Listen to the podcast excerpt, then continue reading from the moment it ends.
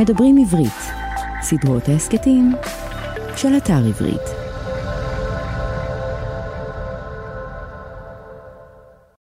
בפרק זה נדבר על ספר חזק ויפה של אישה חזקה ויפה. כמה יפה? כזו שהיית יכול להתבונן בשעות בזמן שהיא מדברת ולמצוא את עצמך מאופנת לנוכח יופייה האצילי וחוכמתה האינסופית. עד שלרגעים נדמה היה לך שהמבטים המחשבים שלה כמו מסוגלים להיכנס דרך כל בשר חי, ישר ללב, ולתפוס אותו. וברגע שהלב שלך היה מונח בידיים שלה, היית מבין שזהו, אין לאן לברוח, האמת כולה מונחת לנגד עיניך, ואין לך ברירה אלא להתמודד איתה. כך קורה גם בספר שאציג בפרק זה. והכלה סגרה את הדלת. מחברת רונית מטלון, זכרה לברכה. את הפרק ילווה בקולו וחוכמתו הסופר דרור משעני.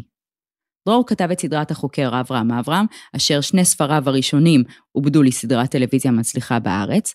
ספרו הראשון, תיק נהדר, היה מועמד לפרס ספיר וזיכה אותו בפרס היצירה על שם אשכול. הוא תורגם ליותר מ-20 שפות ועובד לסרט קולנוע צרפתי. בשנת 2006 יצא לאור ספרו "בכל העניין המזרחי יש איזה אבסורד", אשר עוסק בהופעת המזרחיות בספרות העברית בשנות ה-80. דרור היה העורך של הספר והכלה סגרה את הדלת, ואחד מחבריה הקרובים ביותר של רונית מטלון.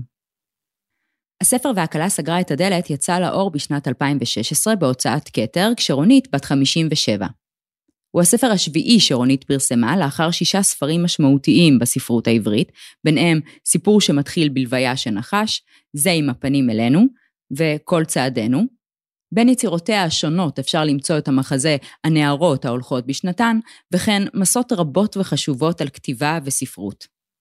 הספר והכלה סגרה את הדלת תורגם לשש שפות שונות, ואף זיכה את רונית בתואר כלת פרס ברנר לשנת 2017.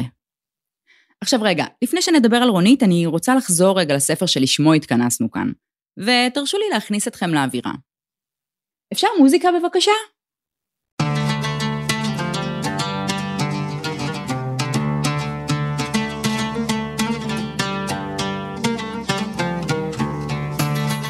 אוקיי, דמיינו לכם בחורה צעירה, חכמה, סופר מיוחדת.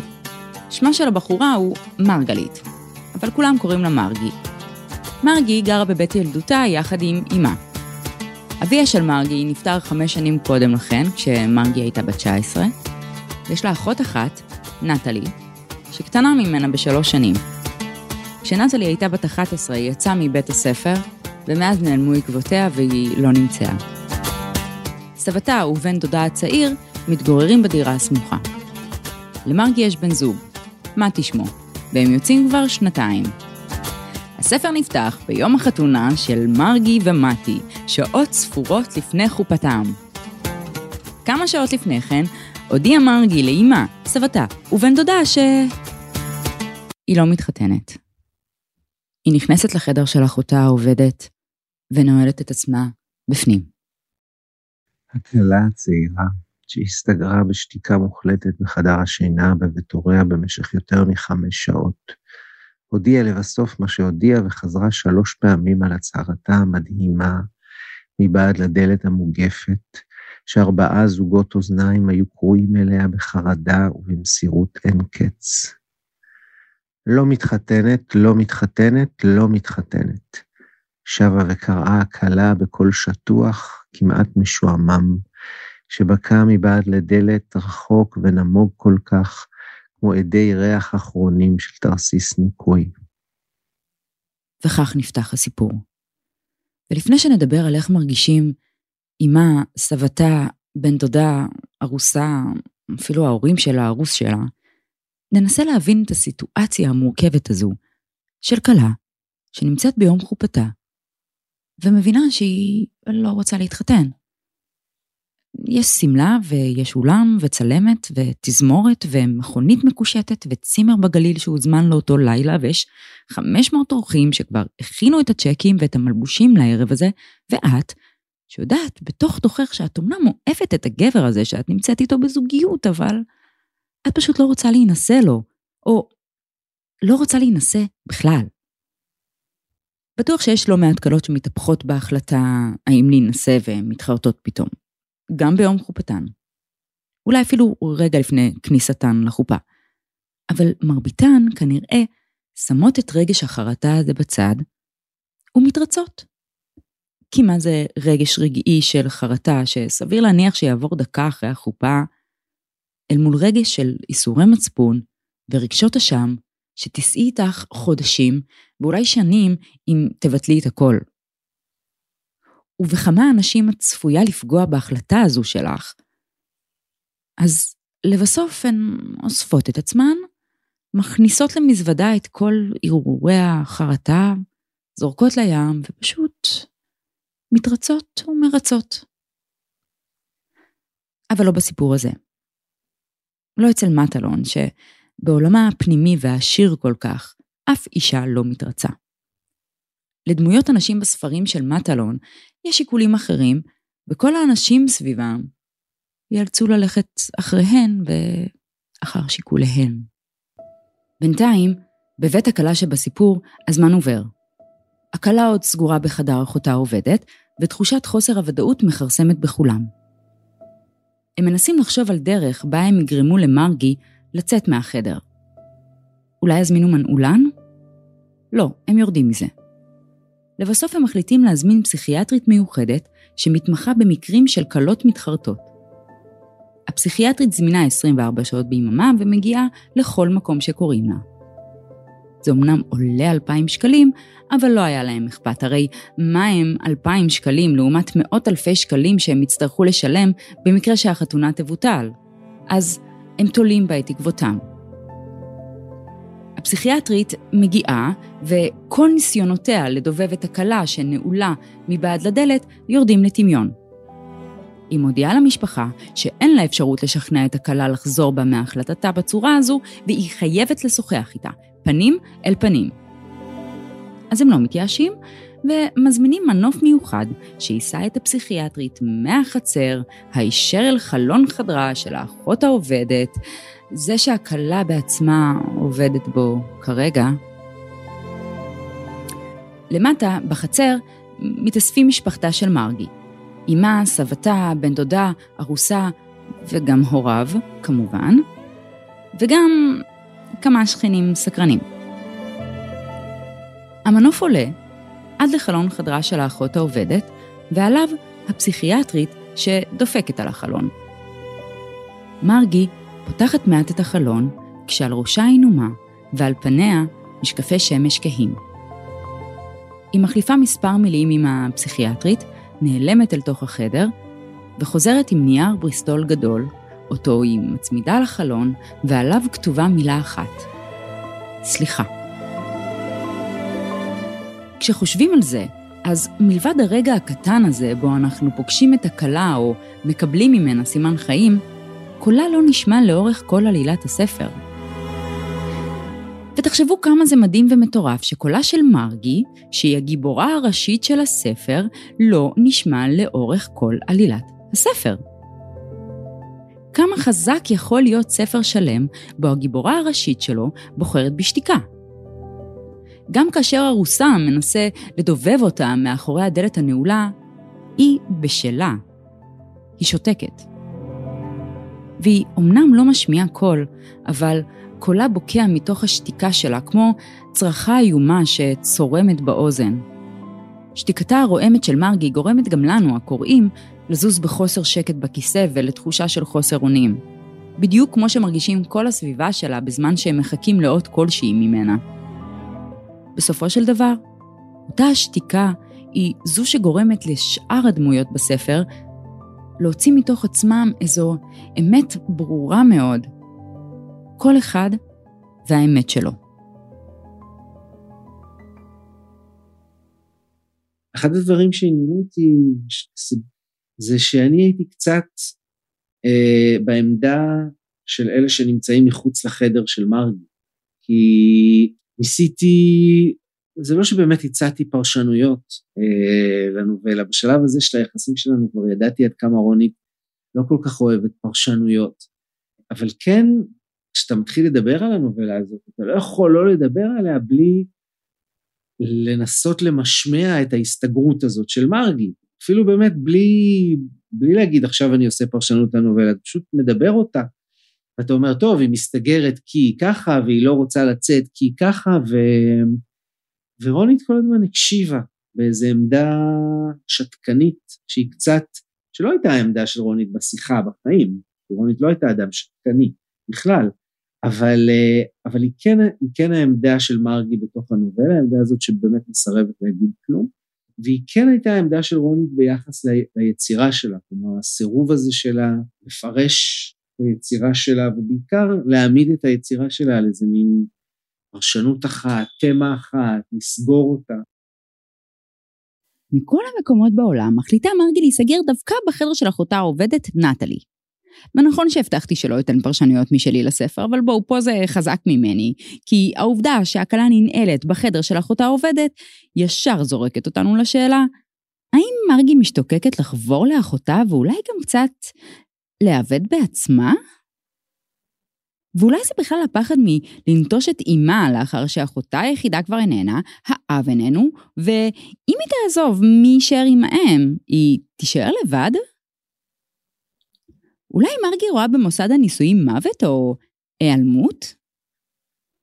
והאמת, העובדה שגיבורת הספר מסרבת להינשא לא מפליאה אותי, כי הגיבורות בספריה של מטלון הן סרבניות. אבל זה לא שהן סרבניות מתוך איזה אופי קשה של אה, נשים עקשניות שעושות דווקא או מחפשות תשומת לב, ממש לא. אלא מתוך זה שהן פשוט מסרבות לקבל את התכתיבים החברתיים המקובלים. עבור מטלון, הסכמה לתכתיבים חברתיים עושה בדיוק את הדבר ההפוך וגורמת בכלל לדיכוי חברתי. דמויות הנשים בספריה של מטלון נעות בין פגיעות מאוד גדולה לעוצמתיות מפעימה, הן שבירות אבל גם חזקות.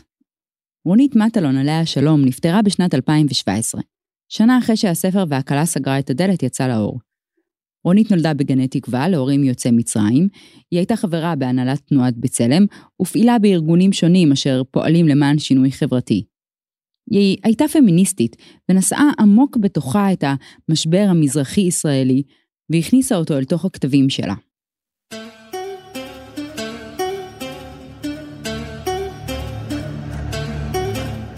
אני חושב, שוב, כשמסתכלים באיזה מבט היסטורי, אז קודם כל שאף אחד לא כתב על מזרחיות כמו רונית. אה, זה דבר שאותי באופן אישי מאוד מעניין. הכתיבה, הכתיבה על אה, מזרחיות בתוך הספרות העברית, עד שרונית הגיעה, הייתה אה, בדרך כלל כתיבה ריאליסטית, או הכתיבה בעיקר הייתה איזה מין כתיבה של הוואי מזרחי כזה. ורונית, מה שהיא עשתה, זה היא בעצם, קודם כל, היא לקחה את הכתיבה אה, על המזרחיות והכניסה אותה לתוך מבנים ספרותיים הכי מודרניסטיים, הכי מורכבים, והכי ששואלים שאלות בכלל על, על ייצוג ועל ייצוג של מזרחיות, ובתוך זה גם, גם השאלה של היחס ללשון המזרחית או ללשונות מזרחיות, שזה דבר שאפשר לראות גם, גם ברומן הזה.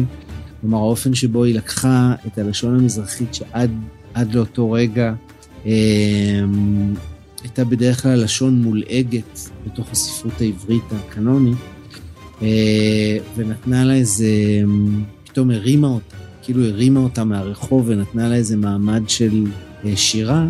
אה, נגיד, אחת הדוגמאות הכי טובות לזה, לאופן שבו כאילו פתאום השפה הדיבורית נעשית uh, השפה הכי, uh, שפת השירה והשפה הכי מדויקת, אחד המקומות שאני הכי אוהב, uh, זה שיחה בין פנינית לבין נדיה, אימא של מרגי, שבה באמת מנסים להבין מה, מה עובר על מרגי, ונדיה אומרת, נדיה מנסה להסביר, והיא אומרת ככה, מרגי טובה, ילדה טובה מרגי, אין על הלב שלה, אין, אני אומרת לכם.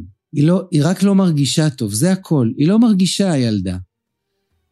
כאילו, יש משהו בדבר הזה, בלא, במעבר בין לא מרגישה טוב ל"היא לא מרגישה", אה, שפתאום, שוב, זה רק עוד אחד ההסברים, אה, הסבר בבלי דעת כזה למה שקורה למרגי, אבל לדעתי זה אחד ההסברים הכי מדויקים, או אחד הכי נכונים, אה, או לפחות אחד הכי מעניינים, כאילו, למה שקורה למרגי. והוא כאילו הסבר שעולה מתוך הלשון הלא מדייקת, הלא תקנית, הדיבורית, כאילו, שנעשית פה דווקא בטעות שלה, והיא לא מרגישה זה, נעשית פתאום כאילו הדבר עצמו. Uh, הספרים האלה של רונית הם, הם קצת ניסיון להעמיד אנדרטה לאנשים שהחברה הישראלית לא הייתה זוכרת בלעדיהם. כלומר, גם ספציפית למשפחה שלה, לאימא שלה, לאבא שלה, לאח שלה, אה, שהם אנשים שהחברה הישראלית הייתה עוברת, התרבות הישראלית, הספרות העברית הייתה עוברת לידם, בלי לראות אותם במקרה הטוב, אה, ואולי אם לראות אותם וקצת לראות אותם באיזה עין עקומה במקרה הרע. וכל הספרות הזאת היא מין, גם זה עם הפנים אלינו, אה, גם כל צעדינו, וגם הסיפורים הקצרים, המוקדמים אפילו, הם מין איזה ניסיון להגיד, האנשים האלה היו פה, הם עשו פה דברים אה, משמעותיים גם במובן החברתי והפוליטי, אה, וגם גם במובן האישי. המאבק הזה של הקיום והמאבק לשרוד עם להיות אימא כמעט חד-הורית, לגדל שם את כל הילדים לבד, לצאת בבוקר, כמו סצנת הפתיחה הזאת המדהימה של כל צעדינו, לצאת בבוקר לעבוד, לנקות דירות, ואז לחזור בלילה כשהילדים מחכים, כאילו כבר כמעט ישנים שתחזרי. אז זה, זה, זה הפרויקט, להעמיד כאילו באמת מין אנדרטה לאנשים האלה, הם היו פה והם חשובים. אה, הם חשובים לי והם חשובים לחברה הישראלית שאולי עדיין לא הבינה כמה הם היו חשובים בשבילה. כשחשבתי על ספרים לסדרה הזו, ספרים קנוניים, כאלה שהם אבן יסוד בספרות העברית, עלו בראשי כל כך הרבה שמות, עד שהרגשתי שאני כמו קופצת אל תוך בריכה ענקית של ספרים ושוחה בין עשרות שמות של ספרים וסופרים. וגם רונית מטלון הייתה ביניהם, אבל לנגד עיניי ראיתי ספרים אחרים שהיא כתבה. ובכל זאת, החלטתי לבחור דווקא בספר הזה. הספר האחרון של רונית, או האחרון שיצא לאור כשהיא עוד הייתה בחיים. אבל לא בגלל זה. כשאנחנו עומדים לפני בחירה של ספר מסוים לקרוא, מה אנחנו בעצם מחפשים? אנחנו מחפשים חיבור. חיבור למקום הזה שישאב אותנו לתוכו, פנימה, עמוק. הרי מה הם הספרים אם לא לתווך בין העולם הפנימי שלנו לעולם פנימי של אדם אחר? המערבולת הזו שקורית במהלך קריאת ספר יכולה לפעמים לקחת אותנו אל מחוזות אחרים שגם בחלומות הכי גדולים שלנו לא היינו מגיעים אליהם. ובחרתי בספר והכלה סגרה את הדלת של רונית מטלון מהסיבה הזו בדיוק. הנובלה המופלאה הזו מצליחה לשאוב אותנו אליה, ומבלי שנרגיש שאנחנו הופכים להיות כל הדמויות בספר. זה סיפור כה פשוט, אך גם כה מורכב, סיפור על בית ומשפחה, וגם על האין משפחה, סיפור נטול זמן או תקופה שיכול היה לקרות לפני 50 שנה ויכול לקרות היום או גם בעוד 50 שנה, זה יכול לקרות כאן בארץ או במדינה אחרת, וכמובן, השפה של רונית והטקסט. אם היו שואלים אותי מי הסופר הכי ישראלי בעיניי, הייתי אומרת שרונית מטלון, שאם צריך היה להגדיר אותה בכמה מילים, זה יכול היה להישמע כמו החלאה של כמה אנשים יחד. אישה, אימא, גרושה פעמיים, בת זוג, גדלה בגני תקווה, תושבת תל אביב, מזרחית, חילונית, שמאלנית, פרופסורית, סופרת, עיתונאית. להמשיך? כן, היא הייתה שילוב של כל כך הרבה דברים יחד. ומה זה אם לא הישראליות במלוא הגדרתה? טוב, אז נחזור רגע לספר שלנו, כי אנחנו ממש לקראת סיום. מרגי, הכלה, מתבצרת בחדר אחותה עובדת, משפחתה מנסה לגרום לה לצאת בכל מיני דרכים, היא ממשיכה לשתוק, השעות עוברות, אבל אז קורה משהו. ומה שקורה זה ש... די, נו, לא באמת חשבתם שאני אעשה לכם ספוילרים ואגלה לכם את הסוף של הספר, נכון? טוב, בסדר, בסדר, אבל ספוילר ממש קטן, סבבה? מה שקורה זה שממש לקראת סוף הספר, נשמעים כל מיני רעשים מוזרים מהחדר, וגם את מפתח הדלת מסתובב סביב צירו פעם אחת, ואז זאת פעם, ואוף, טוב, די, זהו, פשוט תלכו לקרוא את הספר.